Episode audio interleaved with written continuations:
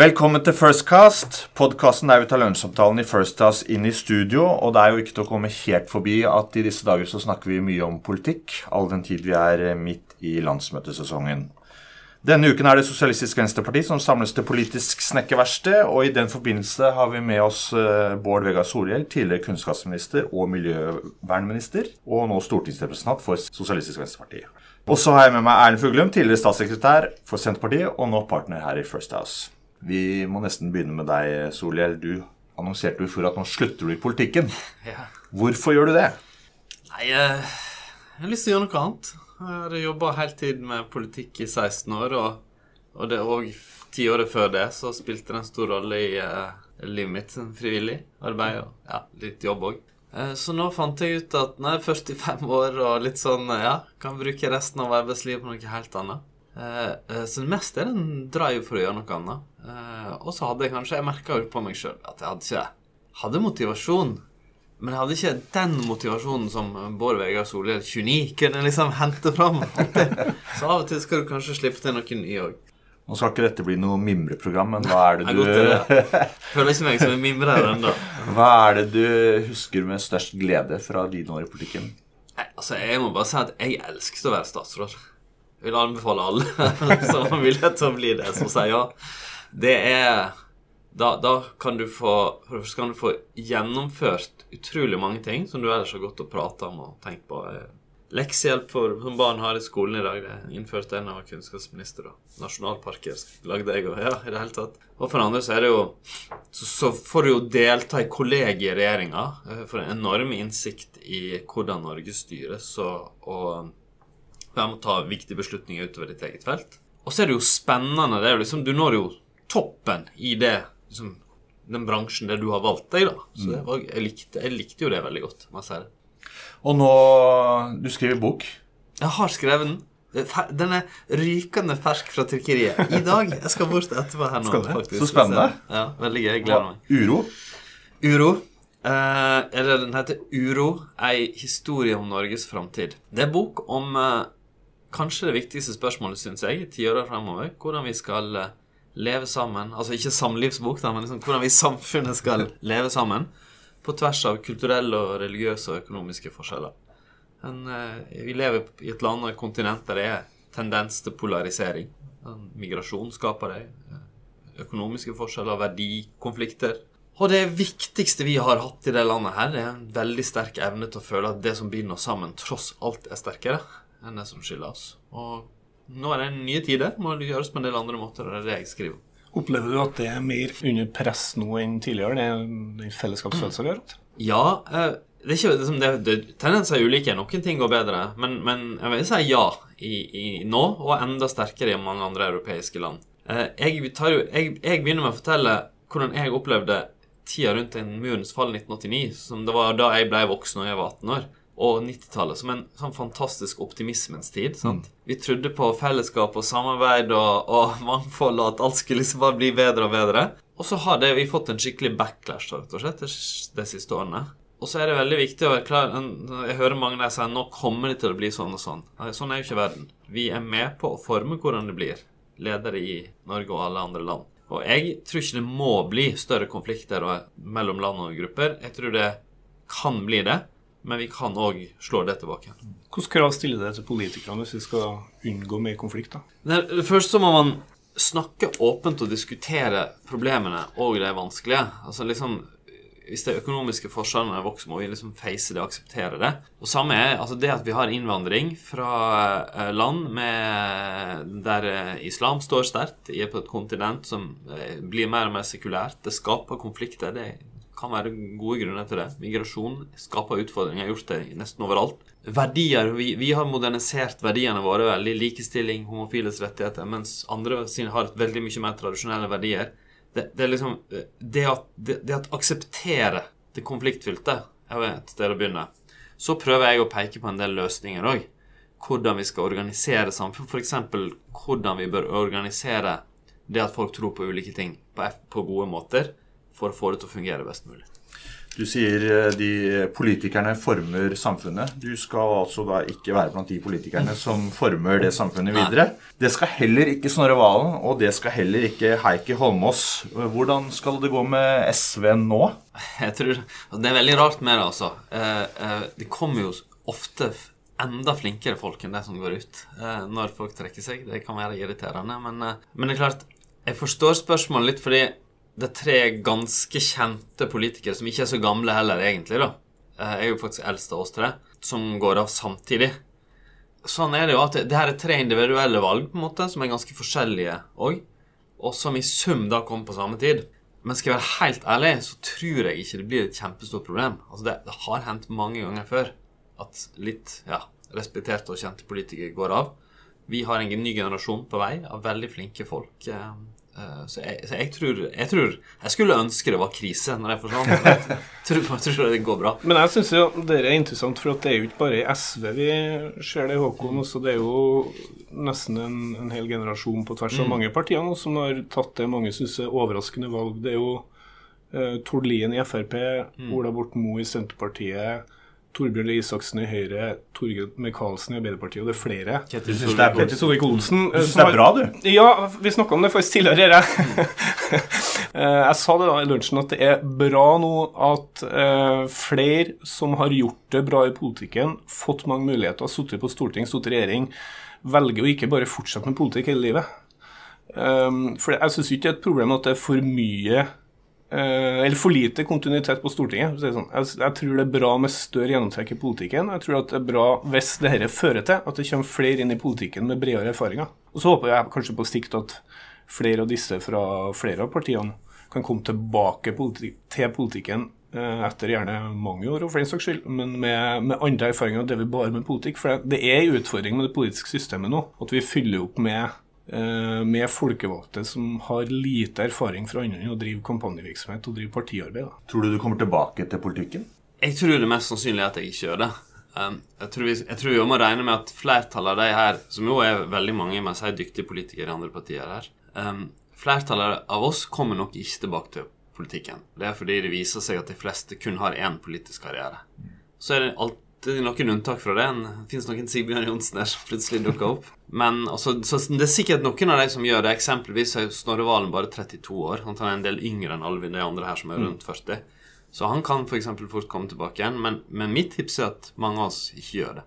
Hva har du lyst til å gjøre, da? Ja, sånn at jeg skal bare si, for En grunn er å huske at altså, det er fantastisk gøy å drive med politikk, men det mest familievennlige i verden er det ikke. altså. Så, så, så mange av det her er òg folk som har, mm. som meg, barn i skolealder og sånn, og da det det er fristende å slippe noen sider ved politikken òg. Jeg vet ikke hva jeg skal gjøre. Jeg eh, Ja. Det er, bare, det er bare å ringe, holdt jeg på å si. Jeg, nei, nå har jeg skrevet en bok. da, Som sagt, vi kom ut, nå skal jeg skal begynne å tenke litt mer på det framover nå. Men det er en balansegang, fordi sånn, du må liksom, sånn, Stortinget er et veldig alvorlig verv. Du er ikke ferdig. Da. Viktig jobb, og du skal, skal, gjøre det ordentlig. Ja. Men, men, jeg kommer nok til å tenke noe mer framover nå på hva jeg skal gjøre. Ok, tilbake til eh, landsmøtet i SV. Hva er det som skal skje de neste dagene der? Du, Landsmøtet, det er Altså, jeg, jeg, har jo vært partisekretær eller generalsekretær da, så da har du ansvaret for gjennomføringa. Og, og jeg har liksom kommet til at landsmøtet er tre ting skvisa inn på ei lita helg. Den opprinnelige ideen med et landsmøte, som fortsatt er, det er at det er en slags demokratimaskin. Det skal gjøres kolossalt mange vedtak. Det skal velges mennesker. Det skal vedtas program for neste stortingsperiode. Alle partier gjør det. Alle partier vedtar stort sett noen resolusjoner, noen uttalelser i tillegg.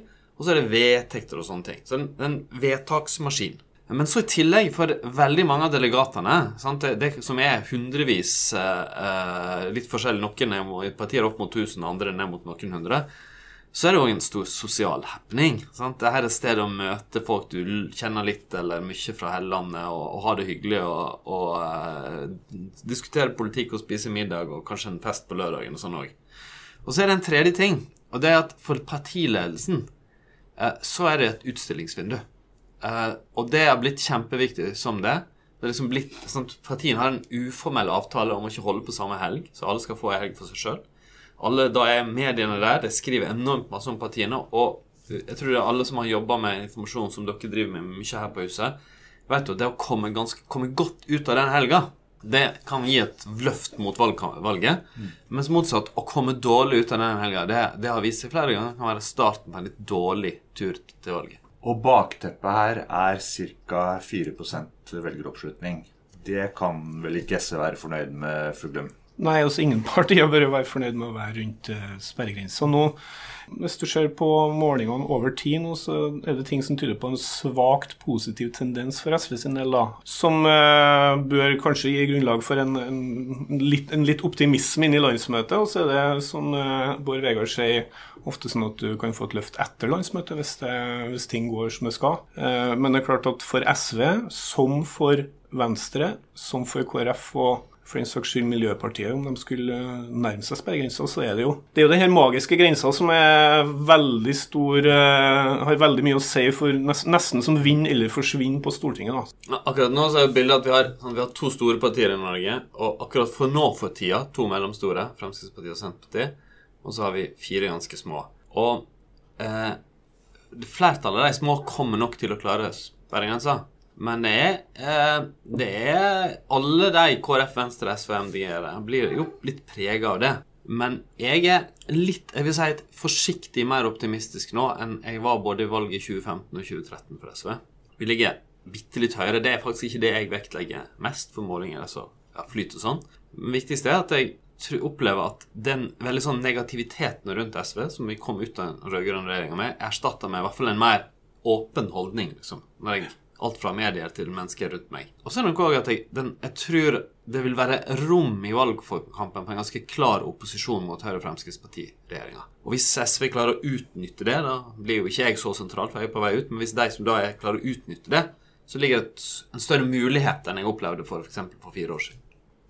Du tenker sånn valgstrategisk, da, Bård Vegar. Er enig i at det, det, bør være godt rom for mye opposisjon mot uh, dagens regjering, men samtidig er det vel en utfordring for SV at Miljøpartiet har etablert seg som en, en, stemme som deltar i debattene, mer enn hva vi har opplevd for bare få år siden. Så da er det mer konkurranse om miljøstemmene enn før. Eh, og på andre spørsmål som SV er opptatt av, så konkurrerer han jo også med Arbeiderpartiet, bl.a. Mm. Hvordan kan han klare å, å, skille seg ut eh, på en positiv måte, og, sånn at det ikke bare blir kannibalisme internt på den mm. venstre sida av streken? Altså, det er jo en riktig analyse. Det SV, MDG og Venstre slåss Det er tre partier som slåss om stemmer fra et tema som er litt mindre i oppmerksomhet, og dermed mm. kanskje i antall velgere som bryr seg mest om det, enn bare for fire år siden. Og Sjøl da var det en ganske tøff kamp om det. Så Det er en utfordring å skille seg fra andre land. Det er veldig få av nordeuropeiske land som har så mange partier som er liksom opptatt av dette. Miljøet er viktig. Det andre er Men klart, SV har mest utveksling av velgere med Arbeiderpartiet. Det er jo SP, Arbeiderpartiet er vår nærmeste alliert, men òg eh, vår største konkurrent om velgere. Og der er det nok tradisjonelt sånn da, at hvis det er rom for en tydelig opposisjon, så kan det gagne SV når det er som Arbeiderpartiet går mot sentrum. Men motsatt så vet vi jo at, og det kan være en utfordring for oss i valgkampen, at hvis det blir veldig tett valg mellom Arbeiderpartiet og Høyre, hvem skal liksom vinne, hvem skal bli statsminister, så kan det dra noen som liker SVs politikk, mot Arbeiderpartiet. Og viktigste resepten er nok å ha veldig klare egne gode saker og forslag. Ikke bruke tid på å rakke ned på andre for å snakke om sin egen politikk. Og, ja, og så tror jeg det er riktig, smart, riktig, og smart å snakke mye om fordeling. Fordi det er et tema som folk er mer opptatt av, og som er viktigere enn før. Ja, for dere har jo startet nærmest en skattekamp med Arbeiderpartiet. Eh, ikke om å redusere skatter, men å øke skatter hvor Arbeiderpartiet har lovet en skatteøkning på 14 milliarder, og Sosialistisk Venstreparti snakker om en skatteøkning på 20 milliarder. Kan man vinne valg ved å ramme folks lommebok? Altså, Vi tar utgangspunkt i det Arbeiderpartiet mente for fire år siden. Fordi det er det skattenivået SV, Arbeiderpartiet og Senterpartiet styrte på fra 2005-2013. Og da, Vi vant to valg på det skattenivået. Og det skattenivået det hadde vi når vi skapte 250 000 arbeidsplasser i privat sektor og mange i offentlig sektor, og Norge gikk så det suste. Så, det er mulig. Forskjellen er nok ikke så stor. Eller 6 milliarder er i det er et stort tall, men det er faktisk ikke veldig mye i den verdenen. Um, um, men det er kanskje Jeg syns forskjellen som er viktigere, er på hvordan vi innretter skattesystemet. Og Der begynte jo nok den uenigheten her med skatteforliket i Stortinget for et år siden. Der jeg tror Arbeiderpartiet gjorde en feilvurdering der de syns jeg gikk inn på et forlik som i for stor grad eh, aksepterte en enighet eh, om spørsmål som arv og innretning på formuesskatten som ikke er fordelende nok. Jeg tror det vil være lett for SV og Arbeiderpartiet å bli enige om den forskjellen på 6 milliarder. Eh, Jeg tror det blir veldig tøffere å bli enige om vi skal innrette skattesystemet sånn at det er enda mer omfordelende enn i dag. For det er ett av mange nødvendige virkemidler for å bekjempe forskjeller. Eh, Dere har stilt eh, stiller ultimatum for å gå inn i en eventuell rødgrønn, ny rød-grønn regjering. Med fire punkter. Kampen mot ulikhet og fattigdom, bekjempelse av klimaendringer, flere lærere i skolen og velferdstjenester uten profitt. Fuglum, jeg skal begynne med deg. Hvor lurt er det å stille ultimatum før forhandlinger? Det tror jeg avhenger veldig av eh, hvilken posisjon du har som forhandlingspart. Tror jeg rett og slett. Sy- det- jeg syns det er interessant å merke seg forskjellen på Senterpartiet og SV, den, der de har valgt veldig ulike linjer. Der Senterpartiet eh, foran denne valgkampen har sagt at de ikke har noen ultimatumer, men veldig stor selvsikkerhet på vei inn i en forhandling. sant? Trygve Slagsvold Vedum eh, nærmest bare avviser alle spørsmål om ultimatum med at uh, vi er i oppdrift og vi er i vekst og vi snakker godt med Jonas, og dette regner jeg med ordner seg. Mens SV nå peker på fire, mul fire mulige ultimatumer. Og jeg tror at det kan være en smart strategi for begge de to partiene å ha det i to ulike linjene. Hvorfor stiller dere ultimatum? Det, det er ikke ultimatum, det er hovedkrav. Eh, Men det, Hva er forskjellen? det er ikke sånn at hvis det her ikke på komma blir nøyaktig sånn, så er det uaktuelt å gå inn i en regjering. Det, er det, det, det er ikke det. Eh, det. Det vil ikke kunne fungere. Men det er et forsøk fra Audun Lysbakken på tydeliggjøre på forhånd hva det står om.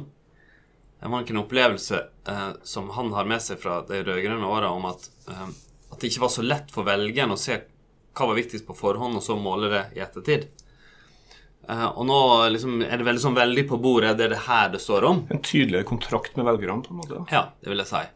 Og da tror jeg, Nå er det jo han som skal gjøre, og andre skal gjøre den vurderinga eventuelt etter valget, men, men jeg tror at de ikke vil tenke sånn, og jeg tror ikke velgerne vil tenke sånn heller, at kun 100% er godt nok. Er veldig, Folk forstår det.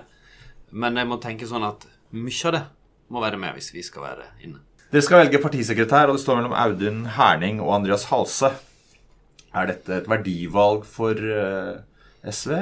Ja, så Jeg har jo leder den forberedende valgkomiteen. Vi har et system i SV der en ny valgkomité med delegater overtar på landsmøtet, og jeg er ikke delegat. Men eh, da valgte jeg, som er litt uvanlig kanskje, men selv om jeg var leder, å stå på mindretallet og støtte Andreas Halse. Og det er fordi jeg må bare si at jeg syns han er en jeg, jeg synes rett og slett han er en ekstremt dyktig ung politiker. En av de mer talentfulle uansett parti nå. Jeg synes det, Han skriver jo mye i offentligheten, og det er nesten alltid interessant å lese det han skriver. Han har originale tanker. Og så når han ut til grupper i Norge som SV har nådd for lite, men der mange burde og kunne stemme SV. Eh, til vanlige arbeidsfolk i privat sektor, i offentlig sektor. Eh, eh, folk som har en annen bakgrunn enn akademiske, som kanskje SV forbindes for mye med. Eh, og så han, eh, har han en veldig sterk bakgrunn som SU-leder og, eh, og i det organisatoriske arbeidet. Så for meg var det rett og slett altså at jeg så klart så at vi har behov for han i SVs ledelse, at jeg valgte å støtte han. Jeg, tror det blir jevnt og spennende. Vi, får en god partisekretær uansett, men det blir jo et av de viktigste veivalgene, tror jeg, for landsmøtet. Da gjenstår det å ønske godt valg og godt landsmøte. Takk for at du kom, Bård Vegar Solhjell. Takk for at du lyttet til oss. Mitt navn er Håkon Borud, og husk at du kan abonnere på podkasten vår på iTunes eller Android. Og har du ønsker om tema vi bør diskutere eller gjester vi bør invitere, så send oss gjerne en melding på Firstcasts Facebook-side.